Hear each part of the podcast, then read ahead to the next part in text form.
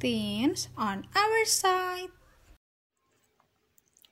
Halo warga 23 Gimana nih podcastnya? Bisa nemenin kalian waktu bosan kan? Gak kerasa ya, udah 4 minggu kita nemenin kalian. Yang artinya kita harus bisa nih.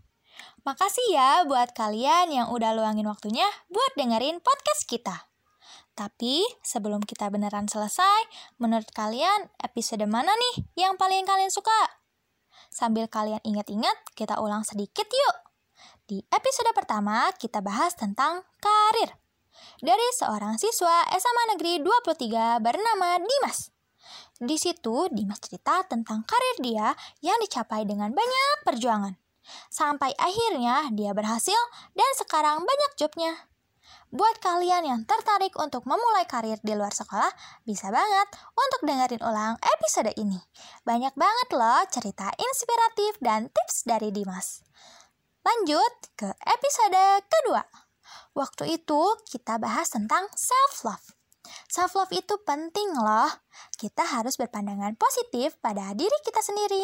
Dimulai dengan langkah kecil seperti jangan membandingkan diri kamu dengan orang lain, Jangan dengarkan apa kata orang tentang kamu dan jangan terlalu memendam semuanya sendiri.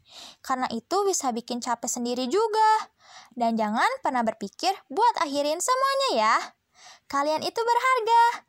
Kalau kalian ngerasa capek, kalian bisa istirahat dan jangan paksain semuanya. Nah, sekarang kita lanjut ke episode 3 yang membahas tentang kepercayaan diri, public speaking, dan manajemen waktu. Bareng Kasara selaku Ketua Umum OSIS SMA Negeri 23 Bandung. Public speaking itu penting loh. Dengan public speaking secara nggak langsung, kita juga meningkatkan rasa percaya diri kita.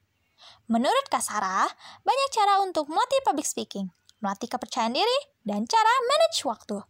Salah satunya adalah dengan ikut organisasi. Yang terakhir atau keempat adalah tentang berani speak up. Siapa di sini yang masih takut buat speak up? Gak apa-apa ya, rasa takut itu wajar. Tapi bicara itu lebih baik daripada diam loh.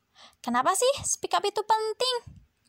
Karena kebanyakan kalangan muda kayak kita gini nih, yang gak pernah berani ngomong dan selalu mendem masalahnya sendiri, jadi ngabatin sendiri. Padahal kalau misalkan kita bisa ngomong atau ceritain baik-baik masalahnya apa ke orang yang tepat, aku yakin masalah itu bakal selesai. Nah, kan tadi kita udah ngulang tentang materi per episodenya. Jadi, yang mana nih yang jadi favorit kalian? Kalau gitu udah dulu ya. Sekali lagi terima kasih buat yang udah setia dengerin podcast kita dari awal sampai akhir. Sampai ketemu di acara selanjutnya. Bye.